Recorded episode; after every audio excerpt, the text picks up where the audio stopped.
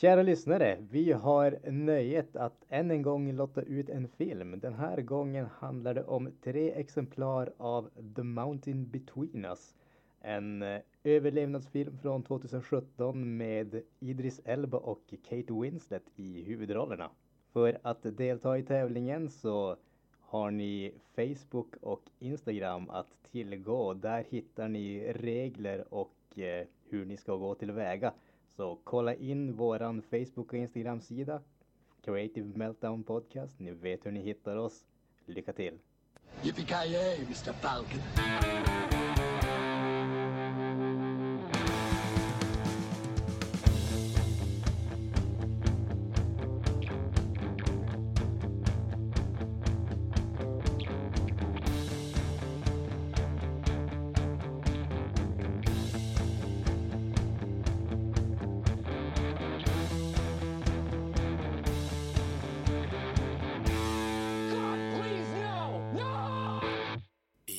Jajamensan, gott folk. Hjärtligt välkomna till Creative Meltdown Podcast ASMR Radio. Carl Fredrik Nilsson här på nicken. Tidigt på morgonen och vi spelar in avsnitt nummer 73. Eh, ja, ni har som mig Kalle här. Joakim Granström. Sluta härmas. 95.5. ja, hur som helst då, hjärtligt välkomna till avsnitt nummer 73 av Creative Metal Podcast. Eh, det här avsnittet kommer vi då hantera lite eh, tagline som vanligt med in, ja, intro, liksom värma upp oss lite. Sen har vi en veckuppdatering. Eh, efter det följer då lite ämne som vi ska diskutera. Och sen har då Kent sett på ännu en veck som den pundare han är gällande den serien. Så men vi tänker börja lite där med taglinesen så att vi kommer in i kläderna som sagt. Granström får gärna fortsätta. Yes. Vi har gjort det här ett antal gånger tidigare. Jag läser en tagline. Mina medpodcaster ska gissa vilken film den kommer ifrån. Det är inte svårare än så. Vi börjar med eh, nummer ett. Grab life by the ball. Eh, där dodgeball. Yes. Dodgeball. Ja. Bra, vi börjar enkelt här. Nummer Ja. två. All great things come in bears. Va?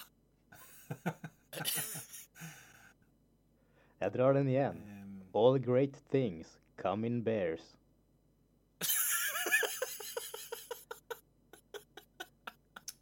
Eh, kan det vara typ Bestiality!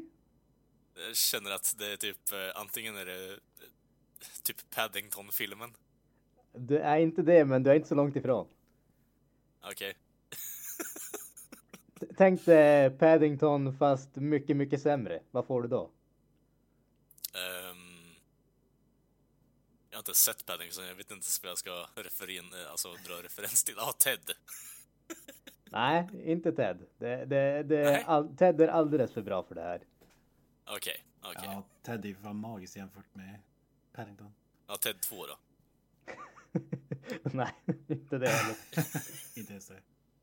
Ja, men eh, dra på en gissning du då, Kent. Winnie the Pooh. Nej, Ja, eh, Dataanimerad. Lite mer... Eh, dataanimerad. Bumbibjörnarna. nej, inte, inte Yogi-björnarna. Bumbibjörnarna. Så Yogi-björnarna. Där kom jag svaret. Ja, kan, Yogi kan det vara. Yogi Bear då? Yogi. Yes, det går bra nu. Det går bra nu. Smartare än genomsnittsgranström. Det är jävligt svårt att bli det. En genomsnittsgranström är jävligt smart, så är det ju bara. Ja, fy fan. We run this world, så att säga. Okej. Tagline nummer tre. herregud. Winner kills all. Ja men, eh, Battle Royale. Nope. Det, det, alltså, att, om Battle Royale hade haft den taglinen, då hade jag fan kastat min, eh, mitt exemplar som hade, hade haft, alltså. Fy fan. Hade ju dock varit en, eh, stäm, en Korrekt. bra beskrivning av den filmen, så att jag vet inte. Jo, rent tekniskt sett, men å andra sidan så känner jag att det finns bra mycket tag, eh, bättre taglines till den filmen faktiskt. Ja, Fast det är en japansk film och så ska en amerikansk publik se den, då jäklar, då, då får du såna där uh, felsteg. Så att det känns som att det här Jo, skulle kunna vara det. Dock är det inte det. Jo, Nej. Men då kör vi väl på Hunger Games då. Alltid lika kul att säga när Kalle backar ur. Liksom. Det känns. Inte Hunger Games. Killer takes all sa du. Winner kills all. Winner kills all, okej. Det finns mycket historik här om vi säger så. Okej. American Pie. Nej, The, the Great Mile eller vad fan va, va, vad får du om du gör en skräckvariant av American Pie? Jaha, eh, Scary Movie. Nej, inte riktigt. Ja, det får du, men det var inte den jag tänkte på. Eh, Scream. Nej, inte riktigt. Mer klassiskt. Fast nyare.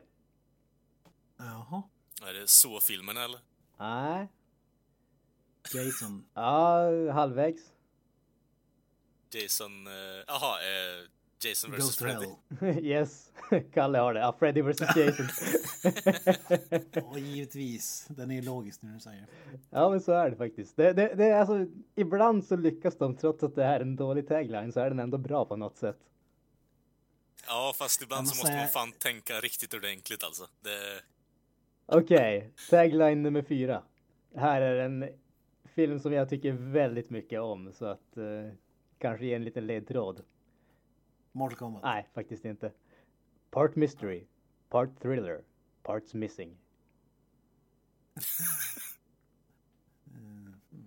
I huvudet på John Malkovich, jag vet inte. Nej, inte ens i närheten. Full Metal Yakuza. Nej, Är vi inne i den eh, genren så att säga? nej. Det, det, det är en annan eh, genre som jag tycker väldigt mycket om. Dra taglinen igen. Fluttershy, eller vad den heter. What? Fla. Vad för något? Miles nej, det är inte My Little Pony. Jag gillar att du har lärt dig ett av namnen på karaktärerna Kent. Det säger ju lite vad... Ja, men med tanke på hur ofta vi har pratat om den där jäkla Fluttershy eller vad, vad, vad fan hur man uttalar det. Så vore ju märkligt om man inte hade lagt det på min. Alltså, du, du, du behöver inte sitta här och låtsas eh, Kent. Vi, vi är alla ärliga med våra upplevelser. Det är helt okej att vara brony. Det är helt okej. Create Meltdown Podcast stödjer ej bronies. Det här är inte ett officiellt uttalande som grupp, enbart Joakims åsikt. Nu har jag helt tappat bort vad fan var taglinen? Ursäkta. Eh, taglinen var Part mystery, part thriller, parts missing. Eh, alltså, Stora saker. Stora saker. Mm. Jag är inne på Godzilla men det känns inte som att... Fan Va, va, det vara? Godzilla fast inte riktigt så stort. Ja, men det kan vara Jurassic King Park Kong. eller? Nej, inte Jurassic Park. Det är någonting King med Kong. det. Inte King Kong heller. Känns det som att det är definitivt någon form av dinosauriefilm. Nej, inte riktigt, men inte så långt ifrån. Okej. Har du Eh, lust att kasta ja. någon eh, livlina till oss eller? Mer vatten. Anaconda. Nej, men nu, nu börjar vi närma oss. Hajen 4. Nej, du var närmare med Anaconda. Ehm... Mega Shark vs versus Giant Python. Octopus. Nej, alltså, vi, jag, jag, jag ger det. vi, vi dansar runt det här, men eh, filmen Ge en ledtråd, en ledtråd. Krokodil. Ja, eh, vad fan heter den? Jag tänkte säga Cape Fear, men den heter ju något liknande. Uh, det är inte så långt ifrån. Nå- någonting åt det hållet. Det är ju Lake Placid. Lake Placid. More like Lake Flaccid. Oh. Oh. Nej fan, det, det är ju alltså, jag måste säga att jag har ju alltid tyckt om den här filmen. Den släpptes ju 99 tror jag att det var. Det, det, var i, alltså, när den släpptes och typ ett bra tag efter det så var det en sån där film som jag såg om typ en gång i veckan ungefär. Ja, Det här tycker jag det är helt underbart. Alltså, det är ingen liksom eh, det, det, det är ju ingen AAA film på något som helst sätt, men den är jävligt Nej, underhållande tycker jag. Dessutom har de, jag för, jag för mig att de gjorde en typ uh, Anaconda vs Lake Placid och sånt där. Jag för mig att vi pratade om det för något, några avsnitt sedan. Det måste de ha gjort. Det var ju Bet Betty White, vad jag fan menar. Precis. jävlar. Det, det, här, det här är ju en film som jag hade helt raderat från min hjärna alltså fram tills eh, du nämner den nu alltså. Det tackar vi för. Ja men det är bra. Då, då, då vet vi att du har gjort någonting vettigt i alla fall med den här, eh, de här filmerna. Oj oj oj jäklar det kommer en ny Lake Placid det här året. Herregud. Premiär på sci-fi under 2018 så vi får se vilket datum det Ja, är. exakt. Straight to TV. Japp, jag hade rätt också. 2015 Lake Placid vs Anaconda. Herregud. Jag tycker de också att 2012 släppte de Lake Placid The Final Chapter. Alltså blir Lake Placid versus, alltså inte det ett ställe? Ja, jag antar väl att Känns det är liksom det, det, Det känns som en märklig titel. Det känns lite såhär dumt att ha en hel kommun mot en anakonda liksom. Vad, vad fan säger det om filmen liksom? Anaconda goes to Lake Placid har de kan köpa men versus helt enkelt. Anaconda does Lake Placid liksom.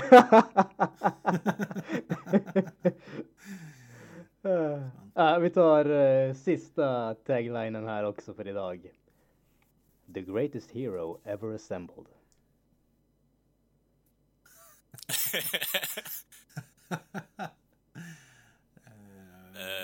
Vara... Nu är är det Full Metal Yakuza. Nope. vad fan heter den där eh, jävla... Eh, Ultraman? Nej. Mer västerländskt. Mer västerländskt, okej. Eh, Det låter som något som satts ihop med robotdelar. Det Ja. typ Robocop? Nej. Men du är ganska nära ändå. Iron Man? Nope. eh, det känns... Ledtråd, ledtråd. A live action remake på en tecknad serie. Okej. Eh, ja. Alltså Ah. prat, pratar vi 90-tal eller 80-tal eller? Eh, slutet, alldeles i slutet av 90-talet. Okej. Batman. Om vi säger så här. Ni kanske inte har sett den här filmen men ni- har garanterat sett eh, serien som den är baserad på. En superhjälte sa du. Nej, jag sa Nej, inte det en superhjälte men eh, det är någon som är ihopsatt. Ehm, eh, nej, nej, nej, nej, nej, nej. Eh, fucking eh, eh, Inspector Gadget. Yes, Inspector Gadget. Ja! Hero. Ja, Jesus Christ. Ja, där har du ju även bara That's a lot of fish med i den filmen också, herregud. Ja, han som är med i alla. Matthew Broderick. vad heter han? Broderick. Broderick. Maskforskaren. Precis. Greatest drömyrke. performance. Besegrar Godzilla. Ja, hans his greatest performance liksom. Ja, Jesus Christ. Yes, men du, det var de taglinesen vi hade den här veckan. Vill ni ha mer taglines så se fram emot nästa avsnitt. Woop woop. Yeah boy! Yeah, boy. ja, men jag tycker vi går vidare till eh, den eh, föraktade veck veckouppdateringen. Så Granström, du kan ju få fortsätta i spåret här. Eh, har inte hänt så mycket om jag har förstått det rätt. Jag har tagit eh, lite lugnt. Jag har inte sett på några långfilmer. Däremot så har jag eh, plöjt igenom diverse kortfilmer. Eh, filmskaparen Neil Blomkamp har vi ju alla hört talas om. Han har di- diskuterats eh, i den här podden tidigare, kanske främst i samband med hans föreslagna Alien 5 som tyvärr inte blev av. Han gjorde ju ganska stort eh, nedslag för vid det här laget börjar det väl närma sig typ tio år sedan, åtminstone en åtta ish någonstans när han gjorde District 9 som var ju då en eh, science fiction actionfilm som utspelades i eh, Afrika och den baserades ju på en kortfilm som heter Alive in Joburg som han gjorde tidigare. han eh, gjorde ju någonting som kanske inte sådär jättemånga eh, filmskapare som har lyckats ta sig till Hollywood eh, gör, det vill säga börja göra kortfilmer igen. Men han skapade Oats Studios som är ett, eh, ja, hans egna studio där han gör experimentella kortfilmer som eh, om intresse finns kan eh, utvecklas till lite längre filmer så att säga och det är lite, lite showcase både för han som regissör och studion som effektstudio både om man säger dataanimationer och och eh, praktiska effekter och sådana saker och då har de gjort ett antal kortfilmer för att ja, som sagt showcasea vad de kan göra, lite grann deras stil och hela den biten. Eh, och eh, jag har kollat på tre stycken av deras eh, om man säger längre kortfilmer som håller sig kring ungefär 25 minuters sträcket. Den första som de släppte heter, heter eh, Raka som är en eh, science fiction variant där vi faktiskt får Sigourney Weaver i en huvudroll, tro det eller ej. och Ja, det är lite, lite småcoolt även om eh, som sagt det, det, här är lågbudget, det är ingen tvekan om den saken. Men det är ändå kul att, eh, att man ser henne poppa upp bara helt utan förvarning sådär. Eh, och mm. det, det, är en sån här utomjordingarna som har invaderat och tagit över jorden och håller på att terma, terraforma atmosfären och och eh, göra planeten mer eller mindre obeboelig för eh, människorna. Och eh, ja, det är liksom ganska underhållande film. Effekterna är av lite varierande kvalitet. Dataeffekterna, det är väl den svagaste biten i den här, den här kortfilmen. Däremot så är några av de praktiska effekterna och designen riktigt, riktigt häftig. Sen så har de även släppt en, eh, en annan kortfilm som heter Zygote som är en eh, en annan typ av monsterfilm. Det är två stycken eh, överlevare på en forskningsstation som alla andra blivit dödade av ett monster och de måste ta sig till en, en annan del av stationen för att kunna stänga ute monstret och vänta på hjälp. Och det här är om man säger, där, där om man säger Raqqa var en sån här större, mycket utomhus och sådana grejer så är det här tvärt emot. Det är korridorer hela tiden, väldigt tajt utrymme. Det är bara två skådespelare, de här två karaktärerna, varav en är Dakota Fanning så han lyckas tydligen få med diverse hyfsat kända människor i sina korta kortfilmer. Eh, och eh, det, det, här är kanske mer en, eh, måste säga, den här varianten funkar mer som en, eh, en film på eget sätt. Den står mer på egna ben tycker jag. Och eh, ja, riktigt underhållande. Än en gång så är det ju liksom effekterna som kanske tar överhanden här som är unika. Måste har en väldigt eh, unik design kan man säga ingenting som jag direkt har sett tidigare men faktiskt eh, riktigt häftigt tycker jag och förvånansvärt välgjort också. Sen så den tredje tänkte jag ta heter Firebase och det som kanske gör att den här sticker ut lite mer är att eh, den ska faktiskt crowdfundas så att de ska försöka göra en långfilmsvariant av den. Sen får vi se hur det går. De har inte börjat med crowdfundingen än men det ska komma igång under dagarna. Och den här filmen handlar om en amerikansk soldat i Vietnamkriget. Han eh, är på jakt efter The River God som det kallas, vilket är en övernaturlig varelse som dödar i stort sett eh, allting som den träffar på kan man säga. Det, det här är de, de, har försökt göra någonting med handlingen. Jag tycker att det faller ganska platt på grund av att det är väldigt, väldigt överspelade skådisar. Skådespelarbiten skulle jag säga i den här är kanske den svagaste jämfört med de andra två. Men däremot så är eh, effekterna eh, åtminstone bitvis fantastiskt snygga måste jag säga. Oväntat, eh, oväntat bra. Så att jag är ändå lite så här småsugen på att, eh, på att se vars vars vart det hela tar vägen. Jag tycker ju, alltså, vi har ju sett det mycket på, på senare tid, just det här med kortfilmer. Alltså vi fick ju Lights Out som kom för, vad var det, två, två, tre år sedan kanske. Som var ju en kortfilm på tre minuter ish. Innan det blev en långfilm. Som sagt, District 9 började som långfilm och eh, så filmerna började också som, lång, som kortfilm.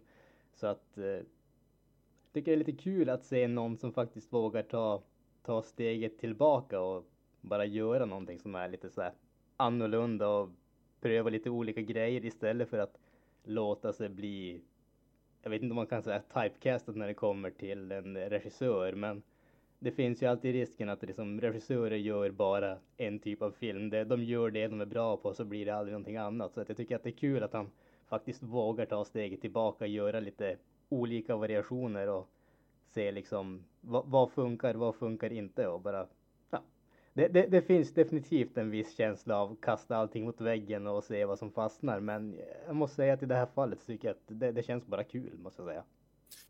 Det känns ju mer som att eh det är egentligen det, alltså som, om man nu är filmskapare på det sättet och vill utvecklas så måste man ändå göra något i den stilen. Man måste prova på om man inte redan har lärt upp sig den typen av filmskapandet egentligen. Att har man inte gjort en skräckfilm så bör man ju kasta saker och ting på väggen, se vad som det är som fungerar för dig i slutändan också. Så det låter som att det är ett bra koncept egentligen och flera borde göra det, tycker jag i alla fall, när jag lyssnar på det nu, Granström, faktiskt. Ja, men jag tycker att eh, det, så är det ju absolut. Och sen är det ju så alltså ingen liksom Hollywood-studio kommer att ge det liksom en, låg, en lågbudget Hollywood-film är ju fortfarande liksom 30, 40, 50 miljoner. Och liksom ingen kommer att ge dig de pengarna och bara experimentera om man säger så. Det är det som mm. är fördelen med de här uh, självproducerade kortfilmerna. Han kan göra vad fasken han vill. Han, liksom, han, han, kan arbeta på, på sitt craft så att säga och bli en bättre regissör och få en bättre hand om effekter, karaktärer och allting sånt och liksom ändå liksom sätta ut någonting till världen, en kreation istället för att vara låst i det här Hollywood-systemet. Så att jag tycker det är kul. Jag tycker det, jag skulle gärna se fler som vågar göra sånt här, för jag tror att det är många av de här, kanske inte de här största regissörer, regissörerna som alltid gör de där liksom 150 miljoner dollars filmerna, men de som, de som kanske har en eller två så här medelbudgetfilmer under bältet.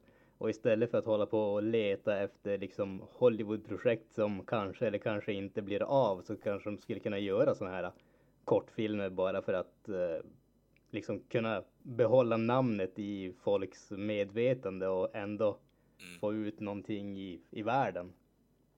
Jag tror ju även att... Man undrar ju, har, har han hört talas om Netflix? Fan, de tar ju allt. Alltså.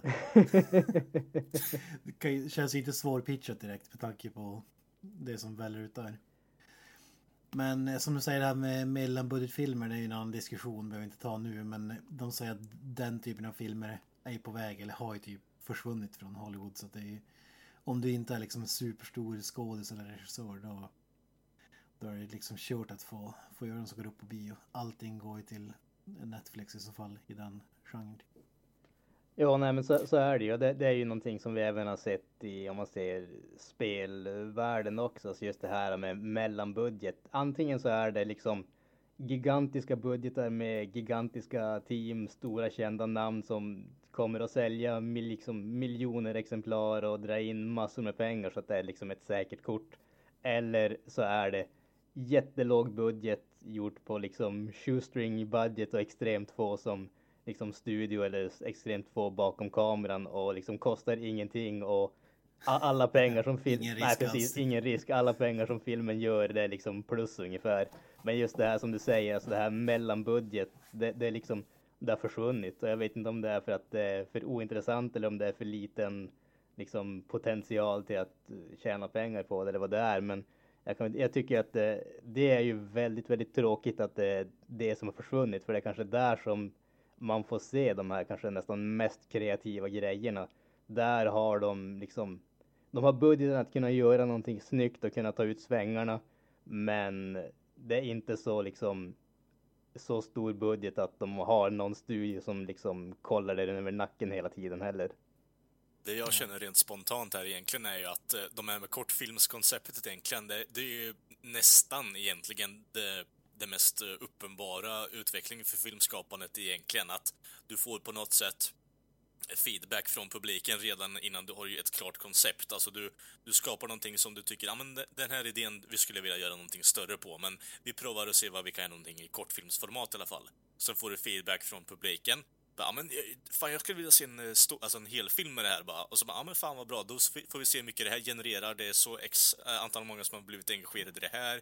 Vad kan det generera i slutändan? Så det, rent tekniskt sett för Hollywood så är det här en bra utveckling om man nu tänker från deras aspekt att det är dags att tjäna så pass mycket pengar som möjligt. Så tycker jag, tror jag att det är en bra, jag tror det är en bra utveckling för att kunna läsa av marknaden lite faktiskt. Ja, absolut.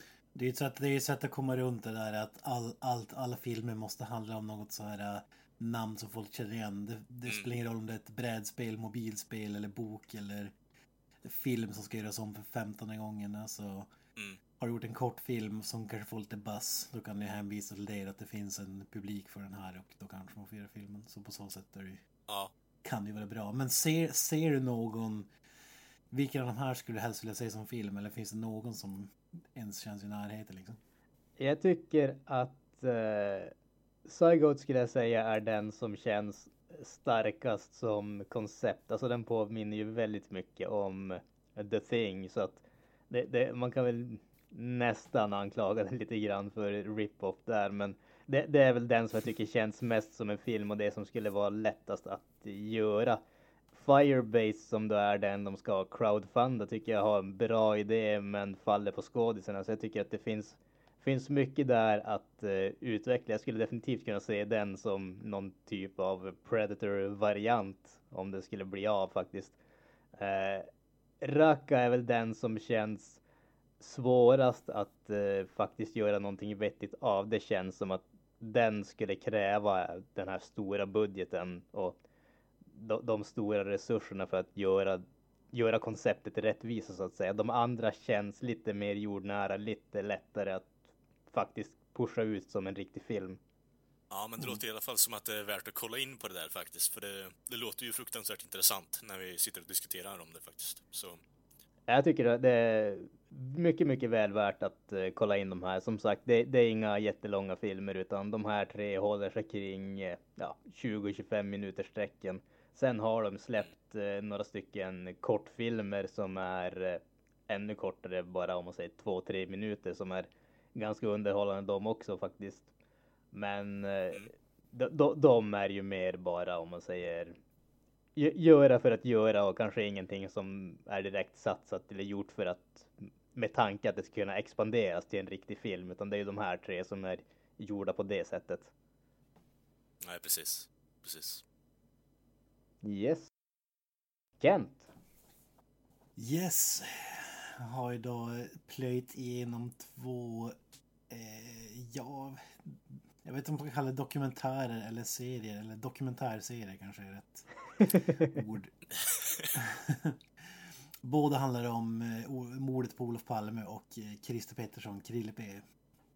Ska vi ut och röva? Poddens Den, den husgud. först, först,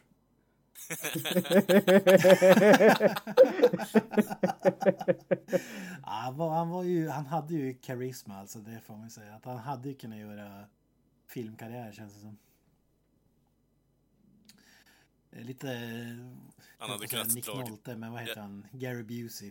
Jag tänker mig mer en reverse Ronald Reagan liksom. Ja, nej, men första dokumentären släpptes i slutet av februari, gjordes av Uppdrag granskning, eh, heter Fallet Christer Pettersson, sex delar. Den andra som kom ut nu i dagarna heter Palme-träsket och mordrättegångarna.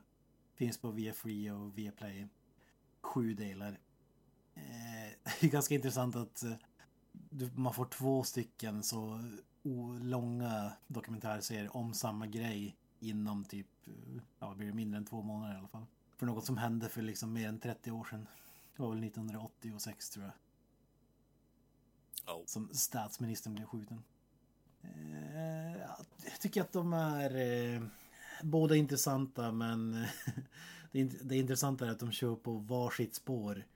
Eh, Uppdrag granskning visar ju på så här fel. Eh, polisen har eh, gjort massa fails och kanske till och med vad ska man säga eh, hur man fick fram Christer Pettersson. Det finns mycket frågetecken kring det. Att det var lite shady business. Hur han... Att det liksom... Han är mer en fall guy än det riktiga mördaren. Medan det då i den här andra som kom ut nu på Viaplay Träsket och mordrättegångarna är mer eh, nästan tvärtom. Som förstärker bilden av att Christer Pettersson Eh, misstankarna är liksom berättiga och eh, ja, så.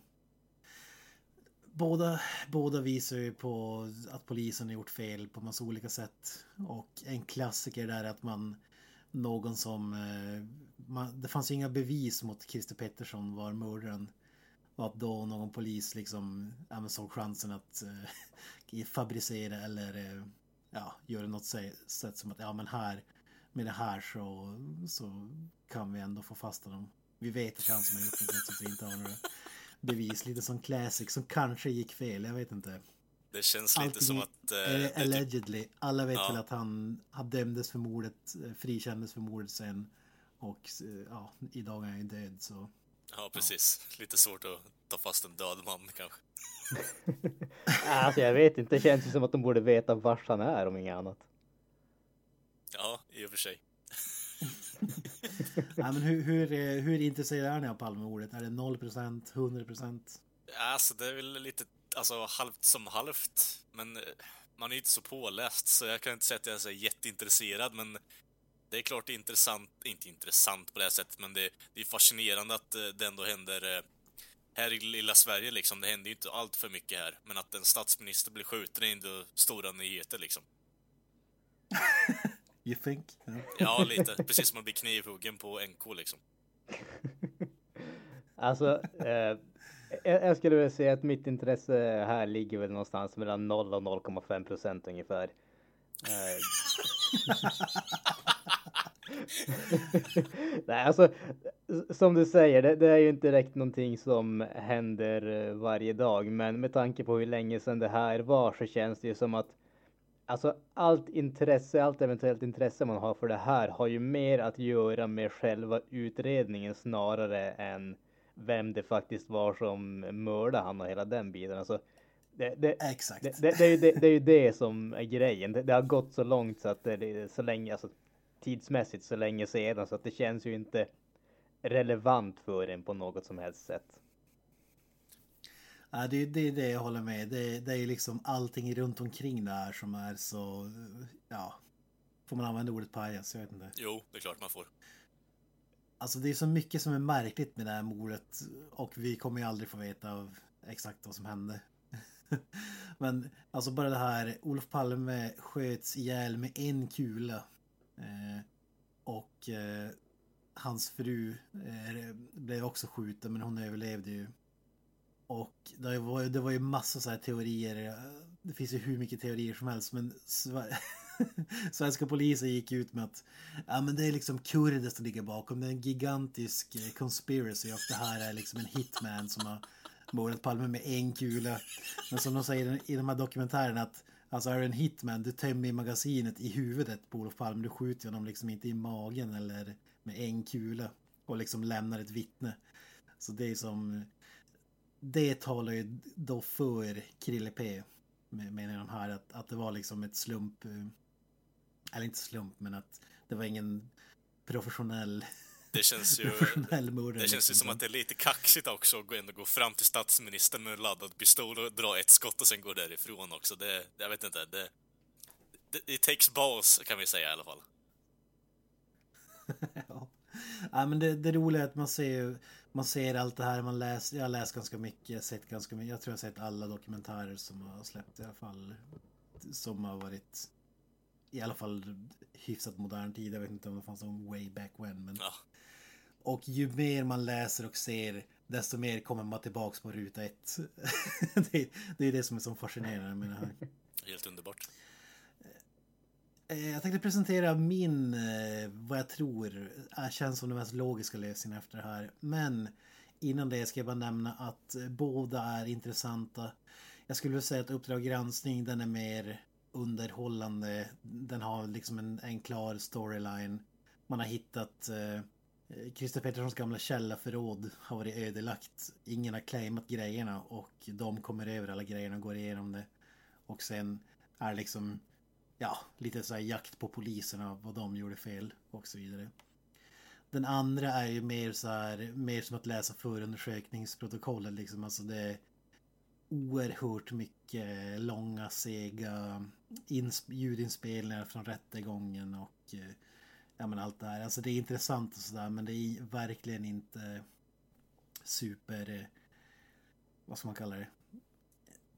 Det är eh, torrt, kan man säga så det är liksom ingen så här filmdramaturgi eller så utan man presenterar i princip bara allt man man bara kan och vet och många grejer har ju inte dykt upp tidigare. Typ och det var han Mikael Helin ja. här då som en filmare som har jobbat 15 år med den här dokumentären. Jävlar. Som har fattat att Ja, den är ju sjukt, eh, vad ska man kalla utförlig. Och båda är genomarbetade. Men jag skulle vilja säga att den här Viaplay, den är sju delar, det räcker med att se den sjunde delen.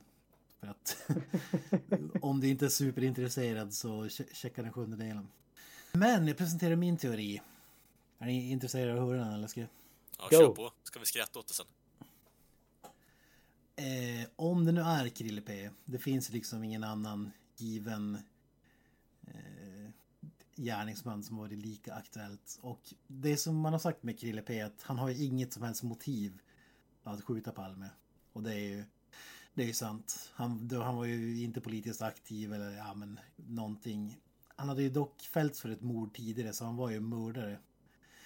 Eh, så, så det är ju fullt möjligt att han skulle mörda någon. Eh, och han var ju alkis, narkoman. Hängde mycket hos en snubbe. Som var liksom Stockholms eller kanske Sveriges en av de största drug dealers i Sverige. Amfetamin just på den, på den här tiden. Som alla vittnen då berättar att ja, men han hängde där en gång i veckan. Eh, släp alltid efter med betalningar, alltid skyldig pengar. Men eftersom att han var liksom en mördare så hade de liksom... Den här snubben var lite, han var ju inte liksom... Eh, vad ska man säga? Han var inte gung-ho på att tvinga Krille Amerikansk gansk... Nej, exakt. Det var inte så bara get me my money, Nej, han var, han var inte ruthless. Nej. ja, precis. Men han hade ju vapen och sådär och eh, hade ett rykte om sig och folk som hade kallat på honom hade han liksom sprättat upp i kniv. Och. Så han var ju farlig, han var ju farlig sådär men när man ser honom ser han ju ut som typ Stig-Helmer ungefär. Alltså han ser ju inte... Han var ju liksom ingen, ingen anabola, anabola snubbe eller så här. Eh, han ser ut som en helt vanlig Svensson. Hur som helst. Eh, Krille P, eh, nar narkoman, stack iväg. Eh, han, skulle, han skulle leverera eh, knarkleverans den här snubben men stack iväg med allt själv Eh, partade upp allt förmodligen, kanske delade med sig. Eh, kom tillbaka och insåg att oh fuck, jag blåst fel snubbe. Eh, vilket då ledde till att den här snubben eh, skickade två, kallar in två torpeder från Ryssland. Sägs det i den här dokumentären för att knäppa Krille P. Eh, Problemet var bara att den här knarklangarens högra hand var ju även polare med Krille P. Så han avstyrde det. Så att de här torpederna var i Sverige, scoutade lite Krille P's lägenhet och så vidare. Men han avblåste och sa nej men jag fixar det här själv. hade han sagt till knarkkungen. Men det, det så rann ut i sanden. Krille P blev aldrig assassinated. Obviously. Men han berättade det här för Krille P att ja, men den här, han skickade två torpeder så ja, watch out ungefär. Eh, som var men de fortsatte liksom drug deal och sådär. Han skulle betala tillbaka pengarna. Hade en stor skuld. Target on his back. Och grejen då är att den här gubben bor på samma gata där Palme blev skjuten. Han var stammis på en restaurang längst ner på den gatan kan man säga. Eh, och man, i princip så mellan hans lägenhet och den här restaurangen blev Palme skjuten.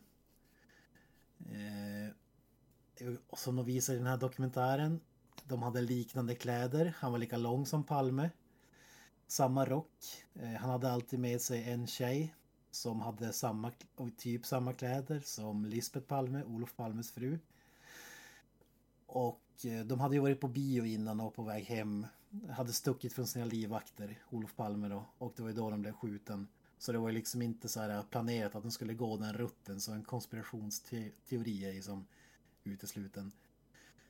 Det som är troligt är det att äh, en coked up Krille P ser ryggarna på de här människorna. Tänker här är det drömläge att knäppa den här jäkeln. Rädda mitt eget liv. Springer fram, skjuter, blir förvånad när han ser att Åh fan. det här är ju inte Mr Drug Lord. Jag har sett den här människan tidigare på nyhetssvepet liksom, vad är det som händer? Ja, precis. Skjut, skjuter vittnet men är liksom så pass... eh, Ja, blir så förvånad att han liksom inte tänker på att se till att de är döda. eh, Eftersom att, ja. Det var ju mörkt också ska ju sägas. och springer därifrån och... eh, Ja, vad säger du? det, det är väl enda... Det är den vettigaste förklaringen som jag ser det. Ja, så om man utgår från eh, det faktum att eh, Krille P var ganska påverkad konstant så ja, inte helt omöjligt liksom. Och sen om den där historien med eh, eh, torpederna stämmer också så ja, då är det ju fullt möjlig teori egentligen. Ja. Det finns ju vissa misstankar mot den här snubben, knarksnubben, Sigge Cedergren heter han. Att, att han liksom kunde sätt, försökte sätta dit Krille P. För att han, det var i princip via honom som hade fått tipset om att det var Krille P. Eh, Så det kan, det kan ju vara så att han har varit inblandad på något sätt och sen ville sätta dit Krille P för att deras history så att säga. Känns lite, Ja, så ja, känns, Inget definitivt svar, men det var ju, det är ju den teorin som låter mest logisk. Om det nu var Krille P, så att säga. ja, ja, jag vet inte. Det, det känns som att det är mycket uppe i luften fortfarande faktiskt, men varför vä- ja, det är klart. Aldrig får veta. Nej, det, nej, nej, men det är det inte det jag menar heller, utan eh, det är det som är, det är det som är liksom igenkännande för det här fallet, att det, det är väldigt mycket uppe i luften. Men eh, just för att det är så mycket uppe i luften så, ja, och att det är typ 30 år senare så har jag ingen direkt koppling eller bara fascination kring fallet, så jag vet inte riktigt. Nej, men det är ju, det är ju det är bara vad jag ser som Jo, om det nu var Krille P. Eftersom att han har ju inget motiv i övrigt så det skulle kunna vara. Det, det är den Krille P-teorin som jag ser som mest Mm. logisk i alla fall. Alla håller inte med och i den här det är som du säger 30 år senare så är det någon som berättar liksom att ja, men Lisbeth Palme pekade ut Krille P och var helt säker. Och eftersom att snut, polisen hade gått ut med liksom Ja men det här är en konspirationsteori. Det här är en eh, tränad mördare. Jag gillar att polisen sen går ut och säger att det är en Sen, sen, får- sen får... Ja exakt. De gjorde, det var ju det som var så. Det var ju en, samma som i Thomas Quick var det en utredare som ville synas liksom. Men... Eh, det, det de, han pekade, Krille P pekades ut av eh, Lisbeth Palme. Det folk har kritiserat var ju att eh, någon polis hade sagt typ, ja men vi har tagit in en alkoholist och han ser ut si och så. Eh, Att de visste hur han såg ut innan utpekningen. Men samtidigt så påstår ju den här som blir intervjuad att hon bröt ihop liksom för att de skrattar ju nästan när de tänkte, ja men en alkoholist, det här, det skulle ju vara liksom en trained assassin eller en konspiration där typ hela Ryssland skulle ligga bakom ungefär. Ja, och så sen att, eh, ja men typ, ja men det är ju han, det är ju han. Ja, äh, som sagt, eh, vi kommer aldrig få någon lösning på det här, det vågar man ju slå fast. Men det är den teorin som jag gillar det mest. Alltså. nice, nice. Av de 200 Ja, precis. som flyter omkring där ute.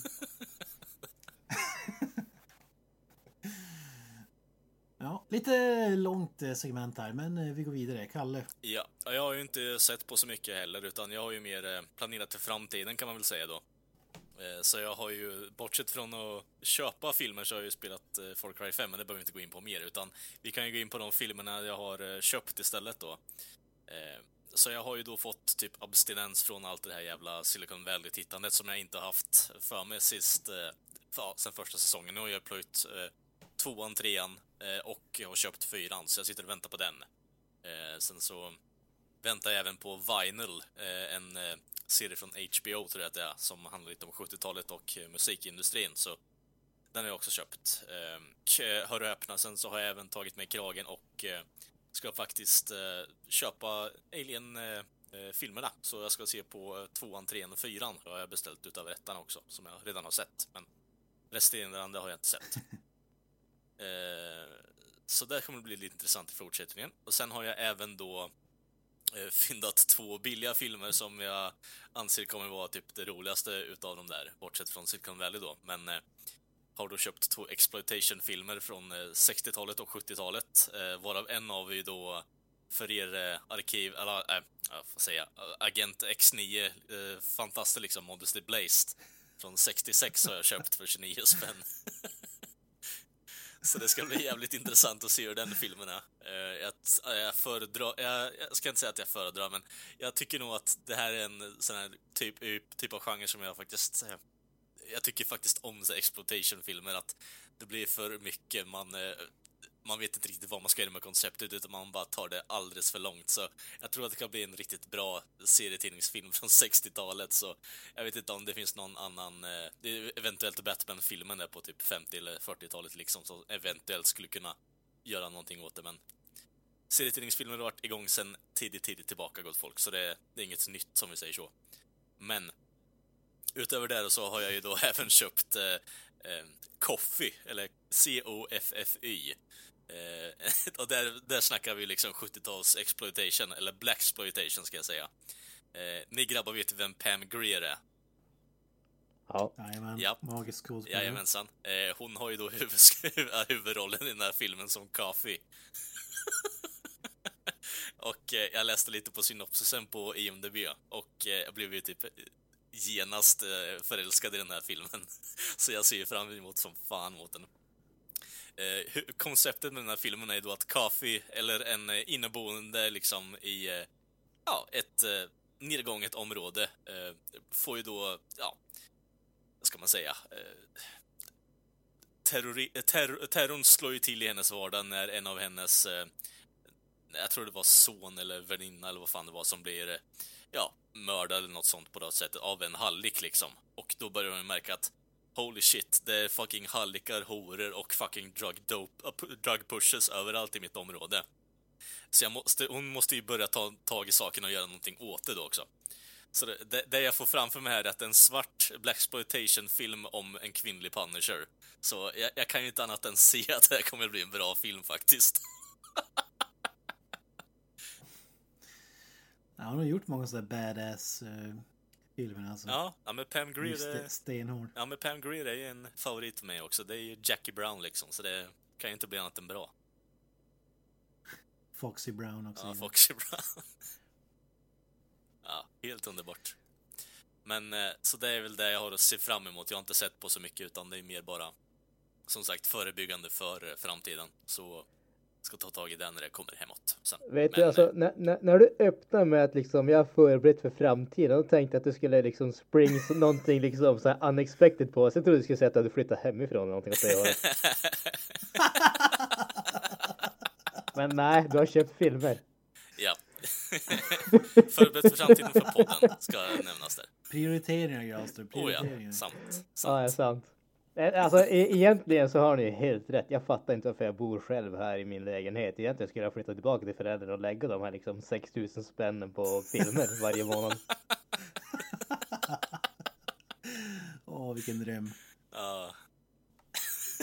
Nej, Jag måste, jag måste höra med föräldrarna och se om det finns plats i pojkrummet fortfarande. Vad fan, du är ju en sån där trust fond kille. Du behöver väl inga extra cash liksom. Trust, Trust ja, verkligen. Verkligen. Reser jorden runt var- årligen liksom. Jag, jag, jag har varit i Thailand två gånger på typ fyra år. Det, det, ja. Så, så jävla rik är man inte då. Ja. men ett tips om man gillar Pam Greer. Kolla in Ghosts of Mars. Magisk film. Jesus fucking Christ.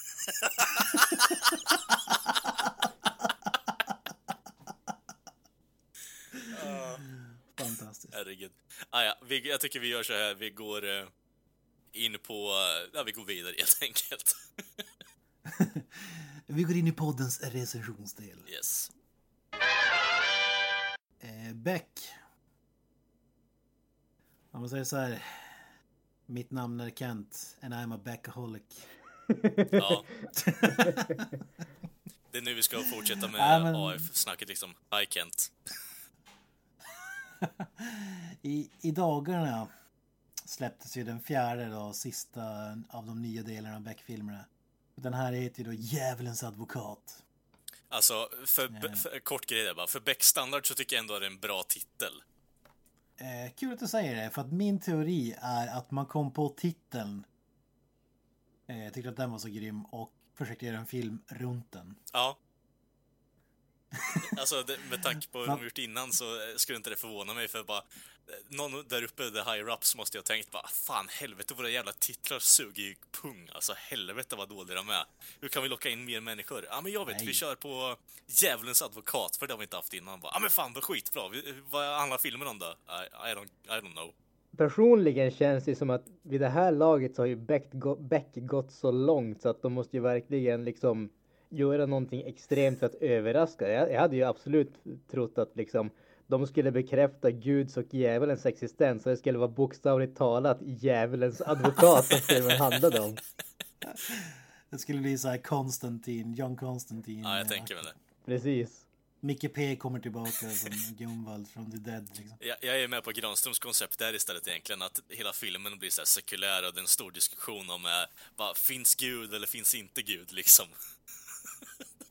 Ja, men min, min teori här är för, för att alltså, upplägget för filmen är så fullständigt komplett uselt. Jag kan ju redan nu säga att det är nog den jag skulle säga är den sämsta Beck-filmen som kommit ut i klass med eh, Stormens öga heter den väl. Herregud. När de skulle ut i liksom USA-öknen och ja, Och bekämpa terrorister. Men, ja, precis. Miljön och terrorister och allting vad det nu var. Men den här eh, filmen börjar med ett mord där en snubbe som äger en restaurang betalar för beskydd. Ni vet från typ, ja men, Hells Angels style. Or else my cousin Vinny will Exakt. visit you. Men den här restaurangen har bytt ägare vad jag förstod. Och eh, han gillar då inte när den här indrivaren kommer förbi att hans style. Så han säger typ eh, Jag knullar din mamma på typ serbokroatiska eller vad det är. Och, av, av, alltså av helt ingen anledning. Det det är liksom Det är inte befogat någonstans att han säger det. Ja, förutom att han är där och kräver på pengar, men det är liksom inget nytt. och den här snubben blir så stött att han skjuter ihjäl dem öppet på restaurangen. Eh, då tar man ju in eh, och han hotar alla vittnen då, så de håller ju tyst. Eh, men det finns ju ett vittne som har smitit undan som det visar sig. Men, och den här snubben då lurar in den nya polischefen Eh, vi har ju pra- Eh, jag har ju pratat om det tidigare. Den nya Gummel-karaktären Steinar, Kristoffer Hivenen, eh, kom inte överens med sin nya chef i de första filmen när de kom in. För att hon var kvinna, vilket känns jävligt 50-tal. Men filmen slutar ju med, förra filmen slutade med att vill, vill du bli min Messi? Och de var ju världens bästa vänner och löste fallet och allt var frid och fröjd. Men här är det helt plötsligt tillbaka till det där att de trivs inte med varann. Vilket är intressant. Nej, men hennes brorsa är då advokat, djävulens advokat. Och jobbar ju då åt den snubben som sköt ihjäl snubben på restaurangen. Och på ett patetiskt sätt så beblandar han honom och tvingar honom att pressa eh, sin syrra på information så att för att veta att han kommer undan med mordet. Alltså det är så, det är så fullständigt tunt. Det är det tunnaste handlingen hittills alltså. Och det är därför jag tänker att det här är ju bara för att Djävulens advokat var en cool titel. Och de måste blanda in en advokat på något sätt. Det är det enda jag kan säga för att den är bedrövlig. Det- är den sämsta hittills. Men eh, om vi säger så här Kent, du som eh, avid Beck-fan och eh, poddens representation för svensk media här, eh, så vad, sk- vad skulle du vilja säga för alla Beck-fan där ute som faktiskt eh, tycker att de blir bara bättre och bättre hela tiden då? Men de, de fansen finns inte. Det är det som är grejen. Alltså, jag känner en hel drös människor som faktiskt kollar på det och tycker att senaste till exempel var riktigt bra. Ja men det säger nog mer om din um- umgängeskrets än uh, resten av svenska folket liksom. Okej, okej. Alltså. Men eh, faktum är att folk kollar ju fortfarande på de där filmerna, det är därför de gör dem fortfarande, så jag vet inte. Ja, ja, ja. Ja, men det är ju, det är ju nästan svensk tradition skulle jag säga. Midsommar, julafton, kolla på Beck-filmen. Ja, men det är som att kolla på liksom det här usla eh, julteckneriprogrammet på julafton. fy Kalle Ankas fan. jul, ja. Fy fan. Det är lite, alltså alla vet ju att det är skit, men man säger det bara för att... Nu ska jag säga tid, de gamla Beck-filmerna, det finns ju några riktigt bra faktiskt. Eh, Men eh, alltså de nya, nej, nej, nej. Det är, det är inte direkt som när man gjorde, gjorde en reboot på James Bond och gjorde det häftigare, bättre och eh, liksom mer storslaget. Utan det är ju nästan tvärtom. Fast alltså, vad, vad kan bli bättre än en eh, taiwanesisk boxare, brottare, som kastar en eh, stålhatt och eh, hugger huvudet av folk liksom? Jag vet inte, jag tror inte det kan bli mycket coolare än så. så. Ja. Casino Royale. Nej men om man är fem år så är det säkert skitcoolt det där. Men... Alltså, ja, ja, ja, Nej men hur, hur, hur som helst. Eh, det som saknas är ju Micke Persbrandt och som sagt Peter Haber är bara med för att hålla oss i handen för att han ska vara på framsidan av filmen liksom. Hans face. det här är en Beck-film, jag lovar. Ja precis för att eftersom att han heter Beck, Martin Beck så om han skulle liksom tas bort då, då är det som inte befogat att kalla filmen för Beck längre. Vad skulle den hitta istället då, Kent? Steinar. Ja. Vilket är en titel på en Beck-film. Steinar, Steinar, Steinar skulle Ja, Ja, det är- herregud. det är Inception alltså. Ja. Inception-nivå Det på känns som skiten. att man hade kunnat komma på ett bättre namn på sidkaraktären där nu med fucking, eh, ja, Peter Haber håller på, jag vet inte, det är ju på ålderns höst nu, det är så det är inte så här, det känns inte som att det är många mer filmer han har att ge. Nej men det, det, det alla vill veta då. Grannen-scenen, var den bra? Ja den var faktiskt riktigt bra. Jag pratade ju förra gången, de pissade på grannen att han skulle bli nykterist och grejer. Det var ju helt bedrövligt. Fan. Här får man ändå, spoiler alert, en story om att han liksom upptäcker en tjuv nere i källarförrådet eh, och slår ner honom. Och låser in honom i sitt eget förråd. Vänta, va? Dra det Och där igen. Eh, grannen går ner i källaren och upptäcker att eh, ett lå- lås till ett av förråden, han bor i lägenhetshus då, är uppbrutet och att någon är inne och rotar. Och när snubben är på väg ut så bapp, bapp, som man säger. Slår han ner den här tjuven. Eh, låser upp sitt eget förråd, kastar in tjuven och låser igen. och väntar till att eh, Peter Haber kommer hem då från jobbet så han kan berätta storyn. Fan, det är alltså det är Punisher med nackkrage alltså. Ja. Det roliga är att man får se det när de för ut den här snubben. Han är liksom två meter lång, ser ut som en boxare ungefär.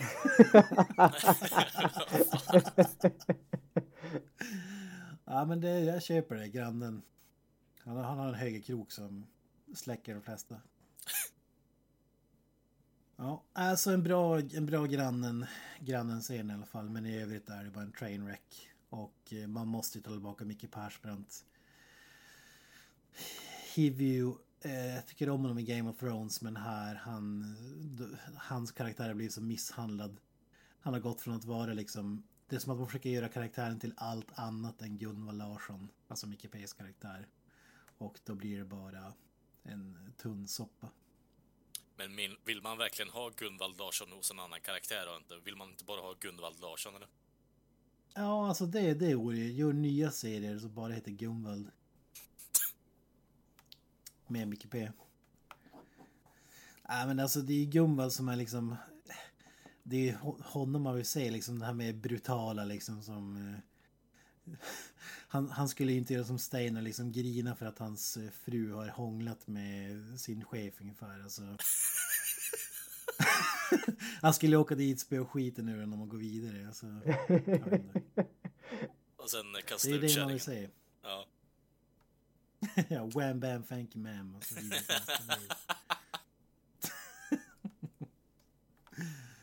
Ja, nej, jag tycker inte om hans karaktär blir svagare och svagare. Man försöker ge dem mer och mer eh, liksom mänskliga drag men eh, man gör det som sagt inte på ett bra sätt. I slutändan är han inte människa. Han är Gud och han måste stå emot djävulens advokat. Alltså man ska säga, han är ju castad i Game of Thrones för att han liksom kan slåss och ser ut som en villing med sitt eh, röda hår, eh, skägg och så vidare. Han är ju inte castad för att han har liksom ska göra perjured pieces och, eh, och så vidare. Som den själlösing han är. Exakt. ja, äh, men eh, som filmer slutar så lär det bli fler filmer så vi får se då. snackar ju mycket nu men som ni alla vet kommer jag ändå sitta där och kika på skiten. Så. Jo, vi vet ju det. Vi ser ju det här på rehabiliteringsfasen liksom i varje vecka ändå, så det, det är inga problem. Vi finns här för dig Kent. Ja. Ja, tack, tack. Betyg. 4 av 10. Ja, fy Så fan. pass ändå. Ja, grannen drar upp betyget. Han är med i två minuter men han, han drar upp betyget helt klart. Jag hellre att två minuter av en typ en och en halv timme lång film med allt som krävs för att få en fyra av tio liksom. Det känns som att den scenen behöver ett eget betyg. Jag skulle sätta att den är 8 av 10. Den är faktiskt bland de eh, roligare. Inte den här tidlösa klassikern med sugröret och sockan i munnen men eh, alltså, den, den är nära. Alltså fan, är det ingen som har gjort en supercut på bara grannen-scenerna? Fan, det, måste ju någon finnas. göra. Det måste ju finnas. Lyssnare, get to work. Äh, men jag tycker att vi stänger igen butiken här och eh, ja, förhoppningsvis stänger igen den här Beck-serien också. Vi, här vill vi ha en reboot. Med Mickey P såklart. Som Beck. Då ringer, re, då ringer reboot för fan eller? Jo, om han spelar Beck. Med tanke på att han har dött så... ja, Va? Okej. exakt. Mickey P som Beck. Okej. Alltså Mickey P's karaktär har ju dött i de här filmerna. Därför skulle det krävas en reboot för att han skulle Okej, ja. kunna vara med igen. Som, som sagt, jag följer ju inte den här skitserien så det, jag vet inte riktigt. Det... Ja, men eh, återigen då gott folk så har ni då lyssnat på avsnitt nummer 73. Eh, vi har haft skitkul eh, och ni hittar som sagt oss på sociala medier som Facebook, Twitter, Instagram och eh, Youtube. Eh, och eh, ni hittar oss även på Spotify som sagt om ni vill lyssna lite på oss. Men allt ni behöver göra för att hitta oss där är ju söka på Creative Meltdown Podcast så ploppar vi upp där. Eh, mailadressen finns ju på Facebook-sidan så det är inget svårt att hitta det. Bara trycka på maila här nu så kommer det upp ett formulär så skickar ni iväg det till oss. Ett käckt formulär till och med. Ett käckt formulär till och med också. Det är viktigt där med ett käckt formulär som är till för mjältbrand och annat eh, kärleksbrev bland annat. Allt däremellan. Hur som helst då så har vi även en, eh, ja, en sida där vi lägger upp lite recensioner titt som tätt. Eh, den hittar ni på createmelt.wordpress.com och eh, ja, det är egentligen bara att kolla in läget där om ni känner för lite mer in-depth eh, diskussioner och recensioner som vi inte tar upp här i podden. Och ja, det var väl allt som jag hade för den här. Och vi andra också, misstänker jag, för den här veckan. Så vi syns ju nästa vecka. Ännu ett avsnitt, ännu mer upptåg. Och eh, som sagt, vi har ju även ett avsnitt där på Inaktuellt som ni även kan ta en titt på också om ni inte har märkt det redan, som vi försöker prova lite på. Men eh, ja, vi hörs nästa vecka. Ha det bra! That's it, man. Game over, man. It's game over.